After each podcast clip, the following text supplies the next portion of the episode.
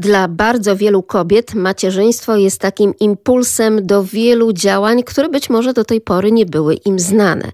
I tak oto zakładają blogi, firmy, także między innymi oczywiście piszą książki. Czy przypadkiem pani pisarstwo nie narodziło się wraz z narodzinami dziecka?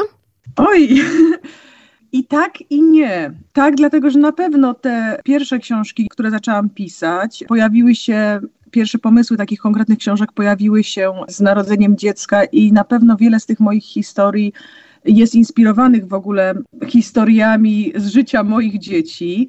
Ale też z drugiej strony nie dlatego, że ostatnio odkryłam u rodziców moje książki napisane przeze mnie w pierwszej klasie szkoły podstawowej, więc, więc chyba gdzieś to pisarstwo we mnie też trochę drzemało. Natomiast może dzieci właśnie tak spowodowały, że się odważyłam tak już nie do szuflady, tylko oficjalnie spróbować napisać. Serie książeczek tak naprawdę ratują nam, rodzicom, to wieczorne życie czytacza, tak zwanego do poduszki przy łóżku, a to chociażby z tego względu, że nie musimy w kółko jedną i tę samą pozycję czytać. Wtedy, kiedy już umiemy ją na pamięć i nasze dziecko oczywiście doskonale też umie ją na pamięć, jeszcze nam wytyka te błędy, kiedy się pomylimy. Jak to dobrze, że stworzyła Pani całą serię o Poli. Zaczęło się od tej Poli, która powinna wiedzieć, jak się zachować, gdy się zgubi. Tak, to była pierwsza książeczka z tej serii. W tej chwili już na rynku są trzy. Gdy Pola się zgubi, Pola na plaży, Pola w lesie. Niedługo się pojawi czwarta, Pola, pola na rowerze. Pomysłów na kolejne też mi nie brakuje, więc, więc tak, myślę, że jeszcze o Poli usłyszymy. A jaka była historia powstania tej poli, gdy pola się zgubi? Gdyby mogła Pani przytoczyć tę historię z tatą, ponieważ gdzieś natknęłam się w wywiadzie na jej treść i rzeczywiście jest ona bardzo ujmująca poprzez swoją niesamowitą prawdziwość i taką życiowość. Tak, to znaczy ta historia, gdy Pola się zgubi, narodziła się oczywiście y, u mnie jako historia książki już w dorosłym życiu, natomiast początek tej historii miał miejsce, gdy miałam e, sama lat 8. Wyjeżdżałam wtedy z mamą na wakacje za granicę i mój tata już w tamtym okresie się uczyłam angielskiego, miałam prywatne lekcje angielskiego, ale jak to dzieci uczyłam się na tych lekcjach głównie nie wiem, kolorów, e, zwierząt, e, takich prostych zdań e, związanych z domem, z rodziną. Natomiast przed tym wyjazdem mój tata powiedział, że pierwszą rzeczą, którą powinnam się nauczyć jadąc za granicę po angielsku, jest zdanie, zgubiłam się, proszę wezwać policję, albo na przykład właśnie moja mama nazywa się tak a tak, mieszkamy w hotelu tym. Jakieś takich kilka prostych zdań, którymi dziecko za granicą mogłoby przekazać, kim jest i jak mu można pomóc. I rzeczywiście y, mój ówczesny nauczyciel angielskiego świetny nauczyciel e, z Kielc, mnie tych zdań nauczył i potem przez wiele lat, jak już, jak już sama miałam dzieci, jak pracowałam z dziećmi i, i słyszałam od różnych też innych mam e, o sytuacjach, kiedy dzieci się zgubiły, o sytuacjach, kiedy, kiedy dzieci wyjeżdżały na wakacje i rodzice się właśnie bali tego, że się zgubią. W moim własnym życiu, kiedy, kiedy zdarzyło mi się też oczywiście, że, że gdzieś mi się e, dziecko zawieruszyło, może nie zgubiło do końca, bo się zawsze szczęśliwie okazywało, że jest tuż obok, tylko akurat na przykład schowane zawieszenie wieszakiem w sklepie. Ilekroć taki moment niepokoju się pojawiał u mnie albo u znajomych, to ta historia do mnie wracała, że w dzisiejszych czasach wszystkie dzieci się uczą prawie angielskiego.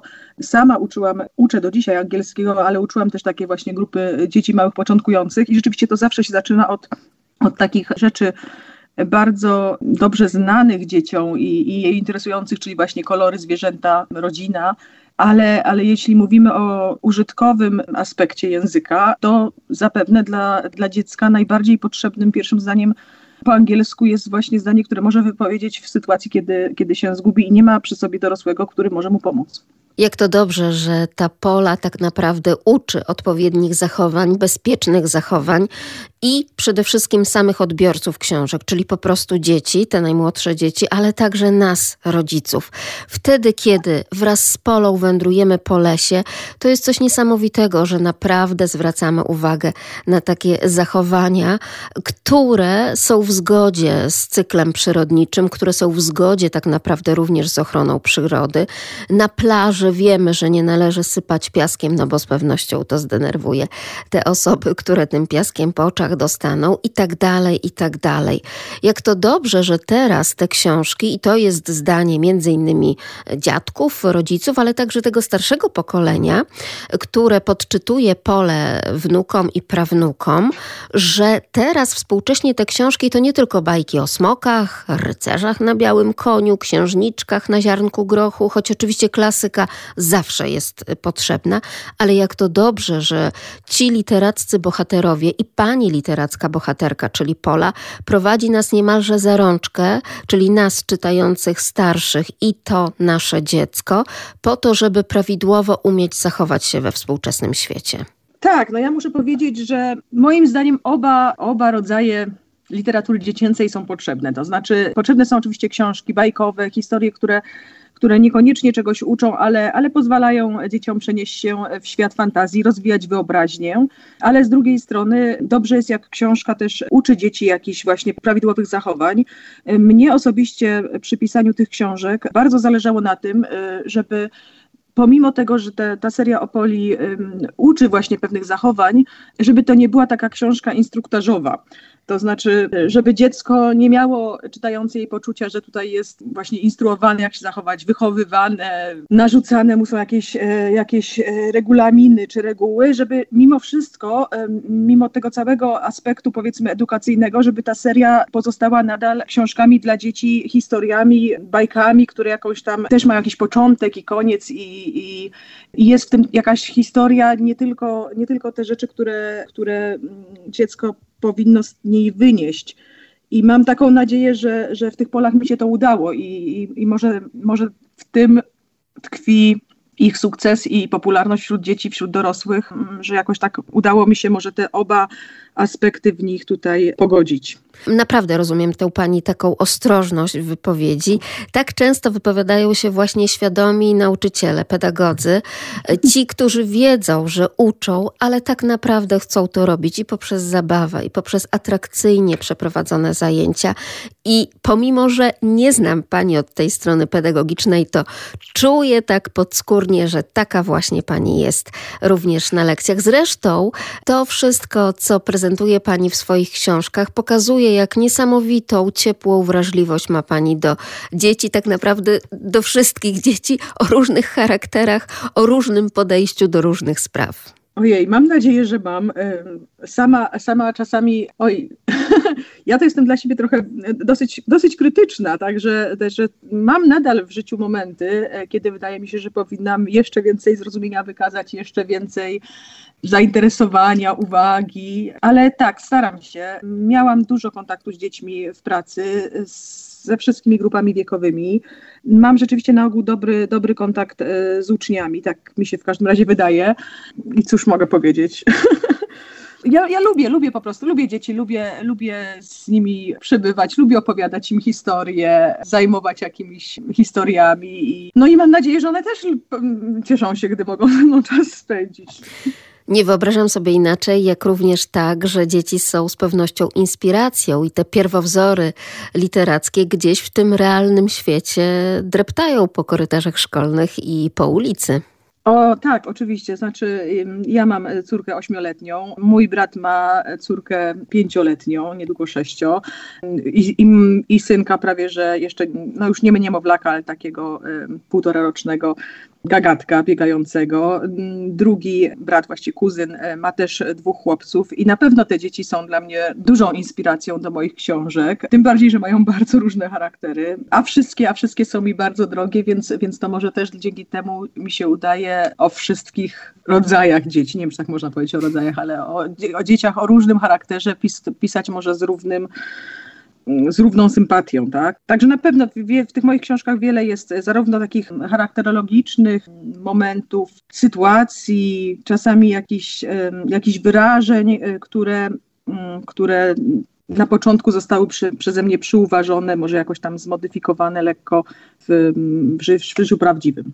Otóż to i na przykład Pola to tak naprawdę dziewczynka, na którą składają się aż dwie Tak, tu się tu, znaczy i w Poli i w Florze się pomieszały dwie. Moja, moja córka tutaj, mimo że jestem autorem, który ma być kreatywny, wymyślać historie kreatywne, to w imionach nie jestem bardzo kreatywna. Moja córka ma na imię Flora, córka mojego brata ma na imię Pola. Dziewczynki są zupełnie inne charakterologicznie, ale są obie słodkie i, i razem stanowią dobry duet. I rzeczywiście w, w, tych, e, w tej bohaterce Poli i bohaterce Florze się trochę, troszeczkę one obie pomieszały. Także na pewno tak. No, zupełnie przez przypadek Magda Koziełnowa, która ilustrowała Pole, wymalowała ją tak, że rzeczywiście jest podobna do Poli troszkę. Pola prawdziwa, to znaczy pola mojego brata jest taka troszkę zagubialska, rozmarzona, zamyślona w swoich myślach, a, a z drugiej strony ten taki bardzo rozsądny, takie bardzo rozsądne podejście do, do różnych sytuacji, taka roztropność, to z kolei jest z mojej flory wzięte, która właśnie jest taka bardzo uważająca i przestrzegająca pewnych zasad. Także to jest taki idealny miks obu dziewczynek. Idealnym miksem są również oczywiście i treść pani książek, i ilustracje. Nie może być inaczej i to w przypadku Poli i w przypadku Flory, prawda? Och tak, ja tutaj naprawdę ilustratorów moich książek uwielbiam wszystkich. No pole ilustrowała, tak jak już powiedziałam, Magdalena Kozieł-Nowak. Te jej ilustracje bardzo, bardzo e, lubię, zarówno kolorystycznie, jak i też takie ciepłe poczucie humoru. Magdy pomysłem było wprowadzenie do kolejnych części poli zawsze jakiegoś ptaka zabawnego, także w ilustracjach dodała też swój element do historii. Natomiast no, Maciej Szymanowicz, który ilustruje Florę, no, też jest cudownym ilustratorem, z bardzo też takim ciepłym poczuciem humoru, też z piękną kolorystyką tych ilustracji, także, także wiem, że dzieci też po prostu uwielbiają oglądać, przeglądać, też przewracać kolejne kartki. No i jeszcze teraz jest książka o Franku i Felku, której ilustratorem jest Piotr Stachera i też, i też te ilustracje są niezwykle zabawne i, i wiem, że to już wielokrotnie słyszałam właśnie pochwały zarówno od dzieci, jak i od dorosłych tych ilustracji, że są też takie właśnie zabawne, barwne. Także mam szczęście rzeczywiście do świetnych ilustratorów i na pewno jest to ważne, bo no, to są jednak książki dla dzieci, gdzie nie tylko tekst, ale też ilustracja jest jakby, to, to musi być też właśnie spójna całość. Oczywiście, zwłaszcza przy tym e, czytaniu rodzicielskim, kiedy to dziecko wtula się w nasze ramiona i wspólnie razem czytamy, czyli rodzic śledzi oczywiście poszczególne litery, wyrazy i zdania, natomiast dziecko śledzi ilustracje, a później wtedy, kiedy zaczyna czytać, jak bardzo pomocne są również oczywiście ilustracje już w samej nauce czytania. Na pewno tak. Ja tutaj na przykład, jeśli chodzi o ilustrację, to zwrócę uwagę na ilustrację właśnie z tej książki o Franku i Felku, Szalona gra, wrób to co ja, gdzie, gdzie bez tej ilustracji to by mm, ciężko było może tą książkę nawet zrozumieć, bo, bo to jest książka, która powinna być interaktywna, to znaczy się powinno nie tylko ją czytać i oglądać, ale wykonywać wszystkie czynności, które, które tutaj w tej książce się pojawiają. I czasami, czasami czytelnik mógłby nie wiedzieć, jak daną czynność wykonać, a tutaj ilustracja rzeczywiście świetnie to obrazuje, także, także myślę, że one tutaj są rzeczywiście bardzo ważne. Szalona gra Wrób to co ja, czyli Franek i Felek idą spać. Oczywiście wydawnictwo dwukropek i Gabriela Rzepecka-Weiss, autorka. Czyli jak powinniśmy przejść interaktywnie, jak pani zaznacza, przez karty tej książki? To jest książka, którą się, znaczy ja osobiście, jak ją czytam z moją córką, to ona rzeczywiście po prostu naśladuje wszystkie te czynności, które robią chłopcy w tej książce. Oczywiście nie da się tak wszystkiego czytać i naśladować, bo jest na przykład moment, kiedy chłopcy wchodzą do wanny i, i tam się chlapią wodą, no to trudno, żebyśmy przerwały czytanie i, i wracały do wanny, kiedy już czytamy po umyciu. Ale można nadal siedzieć na łóżku i machać rękami i udawać, że się chlapie wodą. Także ona rzeczywiście te, te czynności, które może zrobić dosłownie tak jak w książce, czyli czyli nie wiem, kręcić rowerki nogami, czy podskakiwać na jednej nodze, to to rzeczywiście robi w, w pokoju. A te czynności, które, które powiedzmy już wykonała, przed e, wieczorną lekturą, czyli na przykład mycie zębów czy czasanie włosów, ona je po prostu udaje, że je robi, tak? E, ale, ale niemniej jednak przy każdej czynności wykonywanej tutaj w książce przez chłopców jest jakiś ruch. No i, i rzeczywiście te czynności to jest, to jest takie pomieszanie czynności, które, które nazwijmy to, są nudną rutyną, czyli właśnie czesanie włosów czy mycie zębów, ale z, z takimi czynnościami też, które są trochę szalone, pod tytułem, nie wiem, zaklaskaj stopami, czy, czy przestrasz tatę, czy tańczy jak zwiewna baletnica. I one rzeczywiście wprowadzają trochę śmiechu i radości. A, a już najbardziej moja Flora lubi, jak czytamy tą książkę razem całą rodziną i, i udaje się zmusić tatę albo brata do, do wykonywania tych czynności, czyli na przykład tańczenia jak baletnica. No, mi się jeszcze nie udało namówić taty na to, żeby pozwolił mi się sfotografować e, przy tej czynności, żebym mogła to wrzucić jako zobrazowanie pracy z książką na Instagram czy na Facebooka, ale, ale wykonuję to w domu. Proszę powiedzieć, czy Franek i Felek powstali niejako dla równowagi, dla Poli i Flory, żeby tutaj, prawda, ten yin i yang się literacko uzupełniał? Nie, nie, znaczy nie myślałam o tym, że muszę stworzyć teraz bohaterów chłopców, a nie same dziewczynki. Mój, tak jak mówiłam, kuzyn ma dwóch chłopców i też są bardzo ważni dla mnie, więc też chciałam im pokazać to, jak bardzo są dla mnie ważni poprzez uczynienie ich bohaterami książki, tak? Także, także dlatego. No, jakbym chciała teraz zachowywać jakąś równowagę w bohaterach, to, to powinnam wymyśleć teraz czwartą serię, w której bohaterami byłaby dziewczynka i chłopiec. O tak. I byśmy mieli już wtedy, jak sobie jestem w stanie wyobrazić, pomieszanie z poplątaniem. z pewnością. W bardzo pozytywnym sensie oczywiście. Ale to nas szalenie cieszy także i ten pani uśmiech i taka życzliwość dla czytelników. I to niesamowite, że tak naprawdę de facto te pani książki powstają z miłości. Chociażby z miłości do tych dzieci, które pani zna, z którymi pani przebywa i, i z którymi pani także spędza czas. Ominęliśmy odrobinę Florę, więc spróbujmy ją jeszcze scharakteryzować, powiedzieć naszym radiosłuchaczom, z jaką bohaterką tutaj i rodzice i dzieci będą mieli do czynienia. Seria o Florze, na razie jest e, jedna książeczka na rynku, Magiczna Podróż Flory. W marcu ukaże się druga, Flora i Machina Lawina. Jest troszeczkę inna, bo ona tutaj nie uczy wprost niczego, żadnych zasad nie przedstawia, natomiast Flora jest bardzo kreatywną bohaterką. Cała jej rodzina e, ma dużą, e, dużą fantazję i, i w tej serii, no zobaczymy jak ona się ta seria dalej rozwinie, ale jak na razie to, to i w tej pierwszej części, teraz w tej drugiej części, tak troszkę może przemycam pomysł na to, jak rodzina może spędzić wspólnie czas, szczególnie w sytuacjach może, które, które, które mogą być właśnie nudne. Flora, magiczna podróż Flory to jest pomysł na to, jak umilić sobie podróż samochodem, która czasami może być bardzo długa. Flora i machina lawina z jednej strony troszkę może nauczyć dzieci porządku, ale to jest z kolei też pomysł tam przemycony na coś, co można zrobić, kiedy na przykład pada deszcz i siedzi się w domu i i, i, i, trzeba by coś fajnego razem zrobić. Ale te książki są takie troszkę bardziej właśnie, może więcej w nich jest fantazji, kreatywności, takiego polotu. Może tak mogę je scharakteryzować. Z pewnością tak jest. A kto jest Pani pierwszym tym dziecięcym czytelnikiem książek? Czy właśnie być może te wymienione przez Panią dzieci znajomych, dzieci z własnej rodziny? Jak to wygląda z tej strony?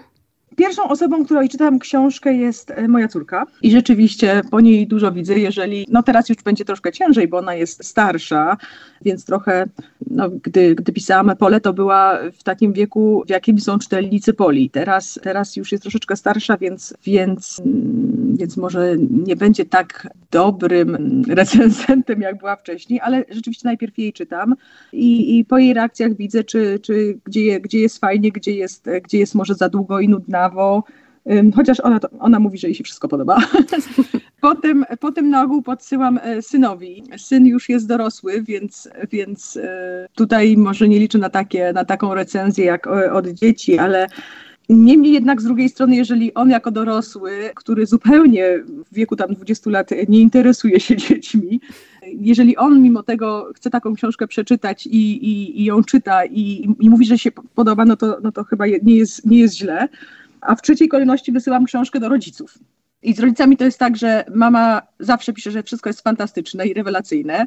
E, w, w ogóle jako recenzent jest niewiarygodna. Natomiast, natomiast tata e, odwrotnie, znaczy oczywiście e, nie, chociaż nie, on też on, chciałam powiedzieć, że on mnie też zawsze chwali, ale to nie jest prawda. Właśnie, właśnie nie. Tata jest dobrym recenzentem, ponieważ tata zawsze podchodzi krytycznie i, i zawsze, zawsze mi rzeczywiście mówi, co mu tam nie gra, co nie pasuje. Tata jest dobry w pisaniu sam, uważam. Potrafi, potrafi sam dobrze rymy układać i bardzo dużo czyta. Zresztą mama też. I, i te, jego, te, te jego uwagi są, są na ogół dla mnie bardzo cenne. Tak? Do prozy nawet się tak bardzo, powiedziałabym, nie czepia, ale, ale w tych fragmentach, które w moich książkach się poda, pojawiają rymowane, to, to rzeczywiście tata tutaj potrafi kręcić nosem, jak mu się coś nie zgadza, jakiś rym, rytm, liczba sylab czy coś, to to, to, to, to zawsze mówi, że tutaj trzeba pracować, że tu po Częstochowsku, tu coś, także czasami nawet potrafię być zła, że, że jak to ja tak coś tak dobrego stworzyłam, jak mi się wydaje, ja tutaj mnie tata objeżdża od góry do dołu, ale, ale koniec końców te jego uwagi są rzeczywiście dobre i cenne i, i myślę, że, że, że pomagają. Ten zabieg rymowania to jest de facto świetna rzecz właśnie dla tych młodszych dzieci, prawda? One poprzez tę rytmizację haseł dotyczących tego odpowiedniego zachowania, bo między innymi takie rymy spotykamy chociażby w poli na plaży czy w poli w lesie, potrafią później staccato to wszystko wynotować, nawet wyśpiewać, wyrytmizować i to wtedy zapamiętują. Także ja uważam, że to jest świetna rzecz, że pojawiają się te właśnie rymy. Tak, to ja rzeczywiście pisząc te książki dużo czasu na to poświęcam i nawet po napisaniu historii wracam do, do pierwszych stron i, i wielokrotnie przez całą historię przechodzę jeszcze raz, bo staram się właśnie, żeby na każdej e, stronie i pojawił się jakiś rytm, czasami rym. Nie tylko mówię o tych takich powiedzmy wierszykach, które się pojawiają tam co kilka stron na początku strony, ale też w plecionych rymach w środku prozy. Zwracam uwagę na to, żeby, żeby było jak najwięcej onomatopei, bo wydaje mi się, że, że to właśnie pomaga dzieciom tekst nie wiem, zapamiętać, ale też ćwiczyć, uwagę. też ćwiczyć aparat mowy po prostu. Tak, ale też to, co pani mówiła na początku, że jak dziecko ma ulubioną e, historię, to potrafi mm, czytać wielokrotnie, tak? I czasami rodzic ma już dość, a, a od dziecka słyszymy przeczytaj mi jeszcze raz, przeczytaj mi jeszcze raz, przeczytaj mi jeszcze raz. I wydaje mi się, że właśnie jak dziecko ma takie fragmenty, które zapamięta z książeczki, czyli w pewnym momencie mm, przestaje być tylko biernym słuchaczem, ale mimo że nie umie czytać, potrafi z mamą recytować fragmenty książki, czyli tym samym uczestniczyć jeszcze bardziej aktywnie w czytaniu, to to też wpływa na to, że, że dziecko do jakiejś książki podchodzi z większą sympatią i większym zainteresowaniem. Dlatego tak, tutaj rzeczywiście się staram takich elementów wpleść jak najwięcej. Gdzieś tak w naszej rozmowie, pani Gabrielo, przypomnę tylko radiosłuchaczom, że naszym gościem jest Gabriela Rzepecka-Weiss. Krążymy wokół wieku dziecka, więc proszę powiedzieć tak naprawdę, dla dzieci w jakim wieku pani pisze, bo już zaczęła pani mówić, że ta ośmioletnia pani córa powoli będzie wyrastać z tych książek. Te moje książeczki są w tej chwili dla dzieci w wieku przedszkolnym. Myślę, że mogą je zacząć, nie chcę teraz podać liczby, która się nie zgodzi z tym, co na przykład wydawnictwo mówi, nie pamiętam jakie oni mają dokładnie te widełki, ale wydaje mi się, że, że są to książki tak dla dzieci od trzeciego roku życia do właśnie siódmego, ósmego, czyli generalnie przedszkole i okres wczesnoszkolny moja Flora, jak ze mną czyta książki, to już wybiera też poważnie, bo jest w drugiej klasie już szkoły podstawowej, tak? E, wybiera już też poważniejsze, e, bardziej rozbudowane lektury, ale do tych cały czas wraca, ma takie swoje ulubione książki z okresu powiedzmy właśnie przedszkolnego, ku mojej radości w tym moje, które nadal regularnie czytamy, także Także myślę, że dla przedszkolaków na pewno, a, a dzieci w, w początkowych klasach szkoły podstawowej też będą je lubić. Trochę tak prowokacyjnie zadałam to pytanie o wiek. Nie lubię o to pytać autorów, a już tłumaczę się dlaczego. Nie wydaje mi się, żeby tak naprawdę poza oczywiście też taką kwestią, że prawda, tam niekoniecznie o pasłe tomiszcza powieści to już dostosowane są właśnie dla tych dzieci z drugiej klasy szkoły podstawowej, to jednak mimo wszystko, jeżeli lubią i w czasie sobotniego wycierania kurzy na półce z tej ich biblioteczki z książkami sięgają, a pamiętam, pamiętam jak tutaj to czytaliśmy, a Pola to wtedy to czytam to, prawda? Więc dlaczego mają nie przysiąść jeszcze na chwilkę i, i przeczytać? Te widełki wiekowe to tak naprawdę też wrażliwość rodzica, nie uważa pani? I ta znajomość jego dziecka. Czy już może sięgnąć po tę książkę, czy jeszcze nie, czy ta odpowiada, czy też nie? Tak, mi się wydaje, że generalnie u tak małych dzieci najważniejsze jest jakieś takie um, nauczyć ich, czy pokazać im, że, że generalnie czytanie jest, e, jest fajne, tak? że, że sprawia nam, ono powinno nam sprawiać w tym wieku przyjemność. Także e, wydaje mi się, że nie ma sensu e, zmuszać dziecka ani do, do jakichś lektur, które nie interesują naszego dzieciaka, ani do jakichś zbyt poważnych albo do zbyt dziecinnych, tylko jednak mimo wszystko dać mu pewien wybór. Ja mojej florze podsuwam czasami książki, które uważam, że w tym wieku powinna, powinna, powinnyśmy przeczytać, ale to jest czasami, a na ogół wybór książek do czytania pozostawiam jej. Nadejdzie moment, kiedy będzie w szkole i będzie musiała czytać lektury, dlatego że są lekturą w danej klasie. Natomiast czytanie wieczorne jest czytaniem e, dla przyjemności. I tu wydaje mi się, że jednak powinno mieć dziecko prawo głosu. I też trzeba pamiętać, że, że mamy wszyscy dzieci, tak samo jak my, mamy różne dni. Raz jesteśmy bardziej zmęczeni, raz mniej, raz mamy lepszy humor, raz mamy gorszy humor i może być dzień, kiedy, kiedy jesteśmy na wieczór, wieczorem nadal jakby w formie um, umysłowej na tyle rzeźkiej, że, że możemy wziąć się za jakąś, nie wiem, poważniejszą książkę, tak? A są momenty, kiedy, kiedy, kiedy nie kiedy chcemy coś, coś, coś takiego prostszego, weselszego przeczytać, prawda? Są momenty, kiedy chcemy odkryć nowe, a są momenty, kiedy chcemy powrócić wspomnieniami do, sta do starszego. Także myślę, że to trzeba pozwolić dzieciom samym, e, podsuwać im co jakiś czas coś nowego, ale, ale pozwolić im samym też decydować. I, I będą się pojawiały książki, które dziecko przeczyta raz i, i nie będzie chciało wrócić, a będą książki, do których będzie chciało wracać drugi, trzeci, czwarty, piąty, dziesiąty.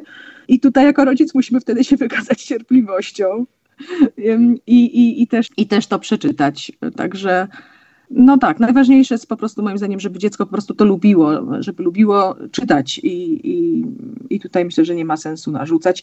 Zresztą ja przy czytaniu książek mojej córki też to jest tak, że czasami na przykład nie czytam dokładnie tekstu, który jest w książce, bo takie dzieci, szczególnie właśnie w wieku przedszkolnym, to mają momenty, że nie wiem, przy jakiejś ilustracji chcą się zatrzymać dłużej i trzeba przerwać czytanie, bo trzeba mówić ilustrację. Chcą wrócić do tyłu, bo im się wydaje, że ileś tam stron e, wcześniej ktoś wyglądał inaczej e, albo coś chcą sprawdzić, a, a, a na innej stronie im się nie bardzo podoba, więc chcą przez nią, przez nią przelecieć szybko, to wtedy na przykład pomijam kilka zdań, żeby przelecieć szybko. Także e, tutaj tr trzeba jakby wydaje mi się, że szczególnie właśnie z przedszkolakiem, czytając książkę, trzeba troszeczkę dopasować się do, do, do tego tempa i, i, i trybu i nastroju czytania, jakie, jakie dziecko ma. Niesamowicie nam pani tutaj narysowała taki obrazek interaktywnie czytającej mamy, czyli tak szalenie wrażliwej i empatycznej na reakcję dziecka. Czy generalnie jeszcze, pomimo tego, że córa już ma 8 lat, praktykują panie takie wspólne wieczorne czytanie? Ojej, codziennie. Codziennie, codziennie, czytamy codziennie. Znaczy, córka czyta, czyta w ciągu dnia, jak wraca ze szkoły, czyta sama. Ma taki, ze szkoły ma taką, taki paszport czytelnika, gdzie codziennie sobie notuje, ile w domu czytała sama jakiejś książki. Natomiast y, spanie na dobranoc to jest zawsze czytanie z mamą. I, i jest codziennym. U nas w naszej klasie nazywa się to dzienniczkiem czytelniczym i rzeczywiście chociaż 15 minut dziennie, codziennie tego samodzielnego czytania, w tym także czytania na głos, po to, żeby jak najpiękniej dykcję także ćwiczyć, więc widzę, że podobny rytm edukacyjny jak najbardziej, ale wieczorem to już jest ta przyjemność nie tylko samej książki, ale obecności tej ciepłej mamy i jej głosu. Zresztą taty też, nie ukrywajmy. Tak, tata, tata też czyta Florze, ale wieczorne czytanie jest mimo wszystko bardziej moją domeną. Powiedziałabym tak w proporcjach, nie wiem, sześć dni w tygodniu czytam ja, jeden dzień w tygodniu czyta tata, ale wynika to z tego, że nasz tata bardzo wcześnie wstaje do pracy i w związku z tym bardzo wcześnie chodzi spać. Także o tej porze, o której czytamy, to on czasami już po prostu odpływa niestety. Natomiast tata jest osobą, która jest słuchaczem podczas tych 15-minutowych, 20 minutowych czytań e, poszkolnych. A czy Państwo też podpisują sygnaturką swojego nazwiska? Tak, tak, tak. A, tak, to, to tak, naprawdę tak, mamy podobny rytm nauczania. Rzeczywiście. U nas natomiast przekłada się to tak, że pięć dni w tygodniu czytam ja, ale niestety mam dwa nocne dyżury, więc wtedy czytanie przejmuje tata i jest to bardzo śmieszne i charakterystyczne, kiedy sięgam po książkę z zakładką gdzieś tam odłożoną na półce. Nie, nie, tutaj tę książkę to tata czyta. To w ogóle nawet się mamo za to nie bierz, bo on tutaj lepiej te głosy psów i tego bohatera e, akurat męskiego lepiej przedstawia i tak dalej, i tak dalej. Ale to też jest miłe i e, sympatyczne. A jakie są pani wspomnienia książek z dzieciństwa? No, dzisiaj w czasie tej rozmowy z panią już kilkakrotnie wróciłam do książki pod tytułem Gdy Bettina wracała ze szkoły, bo to była dla mnie taka książka właśnie w okresie e, przedszkolnym, którą czytałam namiętnie z mamą. To znaczy tak namiętnie ją czytałam z mamą, że, e, że rzeczywiście mama, aż się dziwię, że ona w którymś momencie tej książki gdzieś nie wyniosła, nie schowała, bo, bo czytałyśmy ją codziennie po prostu, codziennie. Także rzeczywiście tą, tą książkę bardzo dobrze pamiętam. Generalnie poza Bettiną to wydaje mi się, że więcej czytałam z tatą. Tata czytał właśnie zmieniając głosy, także to było takie naprawdę, naprawdę. To bardzo, był teatr bardzo czytelniczy. To był cały teatr, także, także wszystkie tam wiersze Brzech w, w wykonaniu taty. Cypiska mi czytał, pamiętam, i Rumcajsa. To, to rzeczywiście słuchałam tego, tego z przyjemnością. No i tak było przez, przez wiele lat, znaczy w, w okresie przedszkolnym właśnie i szkolnym to, to właściwie czytaliśmy, czytałam z rodzicami prawie codziennie na dobranoc. W dniach, w których z jakiejś przyczyny nie mogli czytać, były to słuchowiska na, na płytach winylowych, tak? Świetne to, to dzisiaj mam teraz w formie CD, to CD też już jest starą formą, ale mam je w formie CD dla mojej córki e, świetne słuchowiska o czerwonym kapturku, e, o Jasiu i Małgosi z jeszcze tak świetnymi głosami e, aktorów, takich naprawdę, no to to nie pamiętam. Wiemy, o jak... których wydawnictwach pani mówi, bo przecież tak. rozmawiamy w Polskim Radiu Lublin, a to jest wydawnictwo oczywiście Polskiego Radia, więc doskonale no. znamy te słuchowiska genialnie zrealizowane w studiu Polskiego Radia. Więc... Dokładnie, dokładnie. Ładnie, to po prostu były naprawdę cudowne słuchowiska i tak jak mówię, moja córka też je ma i zna i, i jak chodzimy po lesie, to do dzisiaj śpiewamy w las dam nurka i kapturka sprytnie z mylem. tak.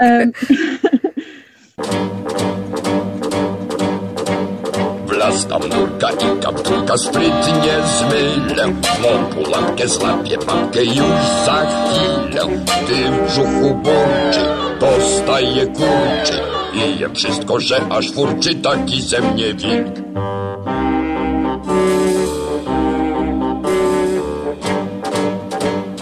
Moim wrogom dzisiaj srogą dam nauczkę, bo mam chrapkę i na babkę i na wnuczkę. Gdy w brzuchu burczy, dostaję kurczy i jem wszystko, że aż furczy.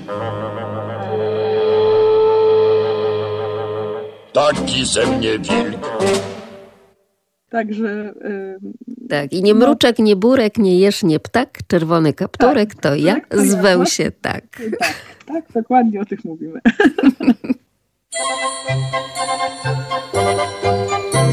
Nie mruczek, nie burek, nie jesz, nie ptak, czerwony kapturek, to ja zwej się tak. Mam warkoczyk, modry oczyk, buzię mam jak mak. Nie mruczek, nie burek, nie jesz, nie ptak. Czerwony kapturek to ja, zwej się tak. W tej chatce przy mamie mój cały świat. Nie psocę, nie kłamie, a mam siedem lat. Nie znam troski, śpiewam piosenki, kocham każdy kwiat. Pobiegnę na wzgórek, a las mi gra. Czerwony kapturek to ja, właśnie ja. Klasyka nam się tutaj pięknie kłania. A czy myślała Pani o audiobookach właśnie, jeśli chodzi o Pani bohaterów książkowych? Oj, to jest pytanie, to musi być pytanie do mojego wydawnictwa, bo, bo takimi rzeczami się oni zajmują.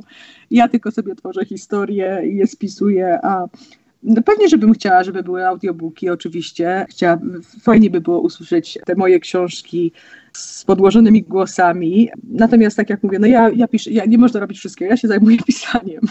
W takim razie nad czym teraz pani pracuje? A jaki to będzie rower, jeśli chodzi o pole? W sensie, czy na dwóch, czy na czterech kółkach, czy to biegówka, czy już jest na tym etapie właśnie nauki jazdy bez trzymanki? Tylko... Nie, nie, to już jest, to już jest, to jest rower dwukołowy, także i, i bez kółek bocznych, także to taki już prawdziwy pierwszy rower. Natomiast, natomiast e, czytelnicy na rowerze mogą jak najbardziej jeździć na wszelkich rowerach, trzykołowych, czterokołowych, pięciokołowych, co im się nie podoba. Ja bardzo lubię jeździć na rowerze. Dużo czasu spędzamy z rodziną jeżdżąc po okolicznych lasach i polecam tą aktywność wszystkim. Także wracając do zapowiedzi, te dwie książki mogę zapowiedzieć. Jest kilka następnych, kolejnych napisanych w tej chwili jakby już w wydawnictwie. Przypuszczam, że niedługo będą ilustrowały, a książki, które w tej chwili się piszą, no w tej chwili się piszą trzy naraz, także... Wow! Ja mam często tak, że mam kilka plików e, naraz otwartych i, i właściwie nie wyłączam komputera, bo się boję, że, że potem ich nie znajdę. I, i, I często tak jest, że piszę kilka książek na raz, bo zależnie od dnia to i humoru, to, to bardziej idzie w tą albo w tamtą stronę. I wchodzę w świat przedstawiony jednego, czy drugiego, czy trzeciego bohatera, tak?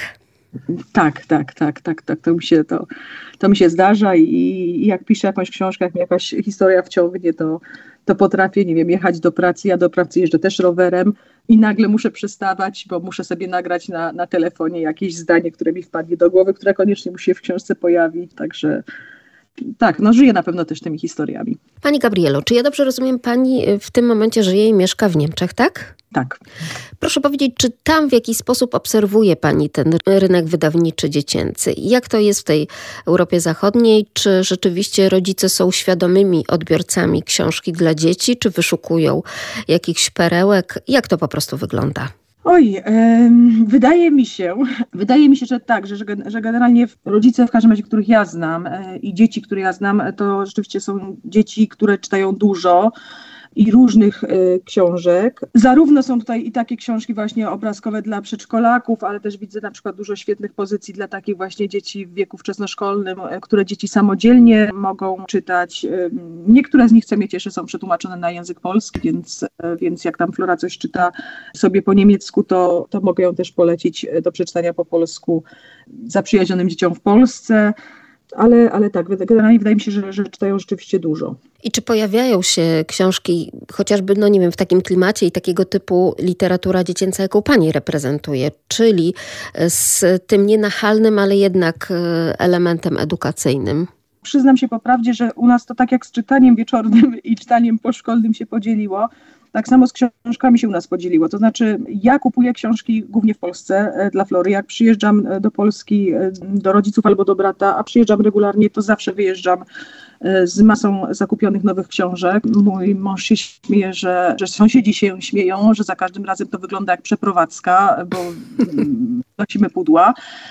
Ja mojej Florze kupuję głównie książki po polsku i, i, czytamy po polsku. Natomiast po niemiecku czyta te książki popołudniowe i to są wtedy książki, które ona może sama przeczytać, e, więc, więc wtedy ważniejsze e, dla mnie niż, niż to, czy one czegoś nauczą, czy nie, to jest to, żeby to był, żeby miały jakby odpowiedni poziom językowy dla niej, e, tak żeby, żeby, żeby, żeby to, to czytanie sprawiało jej przyjemności, żeby nie była książka za trudna albo za łatwa. Także tutaj są takie serie dla, dla dzieci, na przykład w pierwszej klasie dla dzieci, w drugiej klasie podzielone, gdzie tam odpowiednio jest tekst przystosowany do wieku, e, to znaczy długość zdań, e, wielkość czcionki, słowa używane w tekście, prawda? Także Także na przykład e, jeśli chodzi o, o, książki takie z ilustracjami dla dzieci w wieku przedszkolnym, jak te, które ja piszę, to szczerze mówiąc gdzie tam księgarni oczywiście kilka razy y, obejrzała y, je z, z zainteresowaniem, ale, ale sami tych książek nie kupujemy, także co mogę powiedzieć o to, że ja przez to, że jednak w, w życiu mnie y, rzuciło w różne miejsca, bo no teraz mieszkam w Niemczech, mieszkałam też jakiś czas w Japonii i obserwowałam zarówno dzieci, dzieci w tych krajach, rodziny, sposób wychowywania, książki też to na pewno zauważam w każdym z tych krajów jakieś, jakieś wiem, trendy, jakieś, jakieś rodzaje zabaw czy aktywności, które można z dzieckiem robić, które, które na przykład w Polsce są niezauważone albo, albo nie istnieją, albo, albo jakoś nie są bardzo popularne, a, a chciałabym je spopularyzować, bo wydają mi się fajne i, i tutaj też może z tego jakieś pewne, pewne elementy e, tych innych, nie wiem, e, kultur czy, czy stylów wychowywania dziecka, zabawy z dziećmi e, się w tych moich książkach znaleźć mogą. Jak rozumiem, pani córka Flora jest y, już nawet nie tylko dwu, trzy, może wielogeneralnie języcznym dzieckiem, a pani przecież też jest autorką książki dla dzieci, y, jeśli chodzi o naukę języka angielskiego. Tak, to od tego się w ogóle zaczęło y, moje pisanie książek. Ja początkowo pisałam podręczniki do angielskiego z wydawnictwem Nowa Era. I tak to się zaczęło. Natomiast w pewnym momencie chciałam, chciałam przejść z pisania podręczników na pisanie, na pisanie bajek. No i to mi się udało ku mojej radości, ale tak, to znaczy ja z wykształcenia jestem japonistą i anglistą. Skończyłam dwa kierunki studiów. W, w, zarówno w, w przypadku japonistyki miałam specjalizację literaturoznawczą, więc te książki też mi były bliskie. W Japonii pracowałam z dziećmi przy programach, w których właśnie, przy programach nauczania, w których się wykorzystywało bardzo dużo różnych e, książek. Teraz, teraz jakby tutaj też e, zajmuję się tym, czym się zajmuję, także Także na pewno tak, no taką wiedzę kulturową o innych kulturach w połączeniu właśnie z wiedzą o, o, o książkach i, takich właśnie aspektach życia dziecka. Na pewno tutaj, tutaj dużo rzeczy, nie wiem, wiem, przyuważyłam i mogę jakoś tam spróbować przemycić. Przy powstawaniu takich e, książek oczywiście ważny jest autor i pomysł i historia. Równie ważny jest ilustrator, który, który tą całą, e, całej tej historii nada, nada kolorów, ale trzecią moim zdaniem bardzo ważną osobą przy takich książkach, którą często się pomija, e, jest redaktor prowadzący. I tutaj w dwukropku moja redaktor prowadząca, Kasia Biegańska, jest po prostu rewelacyjna. Tak, i to, to, że te książki powstały i że są takie, jakie są, naprawdę jest ogromny ogromny w tym jej, e, ogromna w tym jej zasługa. Ja też bardzo dziękuję, że pani tutaj podjęła temat także redakcji tej wydawniczej redakcji, bo to jest akurat dbanie o piękno języka, o poprawność języka, a dla kogo jak dla kogo? No dla dziecka powinno to być na jak najwyższym poziomie. Już my jako rodzice ci świadomi, rodzice czytający dzieciom mamy dość przedruków, kalk różnego rodzaju z wydawnictw zagranicznych, prawda, w których roi się od błędów stylistycznych, językowych, interpunkcyjnych, a nawet ortograficznych. To prawda. Ja tutaj z, z, właśnie z Kasią Biegańską, gdy zaczęłam z nią współpracę przy pierwszej poli, wtedy jeszcze jakby nieznaną mi redaktorką, na początku się e, bałam różnych, różnych jej pomysłów, jak Kasia wybrała i potem powiedzmy przyszło do mnie do akceptacji, ale zrobiła wybór świetny. Przy Florze zrobiła również, to, to Maciej Szymlenowicz również świetny ilustrator. Przy Szalonej Grze Piotr Stachera, owszem, także rzeczywiście dotychczas jej wybory, wybory ilustracyjne naprawdę uważam, że były świetne i tak samo z tekstem. Oczywiście jak tekst przechodzi korektę, to, to zgłasza wydawnictwo czasami jakieś e, prośby o, o, o jakieś drobne zmiany, nie mówię tutaj oczywiście o korekcie typu przecinki czy, czy, czy, czy ortografia, bo to jakby to też jest dla mnie bardzo ważne, że wiem, że mam za sobą zespół, który sprawdzi i, i nie wypuści tekstu, w, w którym jakieś błędy są, ale też czasami jakieś właśnie drobne poprawki w tekście są proponowane e, i muszę powiedzieć, że no 90% z tych poprawek, które, o które Kasia wnosiła, zaakceptowałam i uważam, że na nich książki zyskały. Także e, no naprawdę sobie ogromnie cenię współpracę z nią. Z pewnością nie ucieka Pani w książkach od e, humoru, dowcipu, od takiego mrugania okiem i do tego czytelnika młodszego i także tego starszego, który czyta te książki.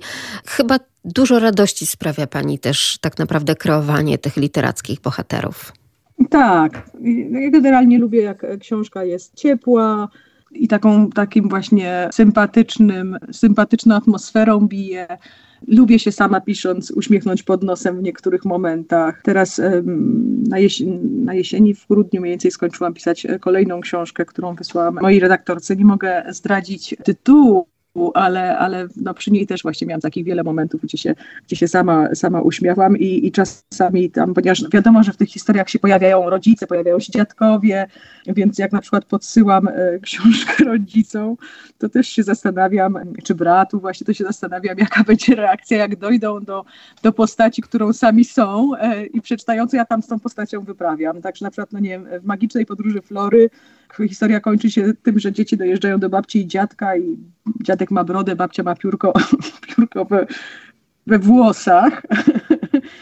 No, podobała mi się generalnie też reakcja rodziców, jak to czytałam, jak, jak widziałam uśmiech przemykający przez twarz I, i, mam nadzieję, że, że moi czytelnicy, zarówno ci młodsi, jak i ci starsi, e, czytając te książki, będą mieć właśnie momenty, w których, w których się pod wąsem uśmiechną. Ten uśmiech, śmiech towarzyszy także nam podczas tej dzisiejszej rozmowy. Przypomnę, że naszym gościem jest Gabriela Rzepecka-Weiss.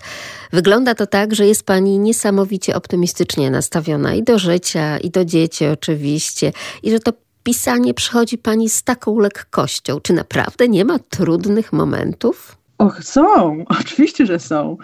Ja jestem rzeczywiście, wydaje mi się, z jednej strony taką właśnie optymistką i z dużą radością do życia, ale też, też w życiu takim codziennym mam mnóstwo momentów, w których, w których jestem bardzo pesymistyczna i bardzo zrezygnowana i czasami te książki nawet pomagają mi właśnie uciec w taki bardziej e, radosny i pozytywny świat. Natomiast przy samym pisaniu to jest bardzo różnie, bo, bo są historie, które się prawie że same piszą, tak? E, akurat jest, nie wiem, pomysł, jest, jest dobry moment, jest dobry nastrój i, i wszystkie słowa się układają, a są historie, które potrafią utknąć gdzieś i, i, i dalej nie chcą.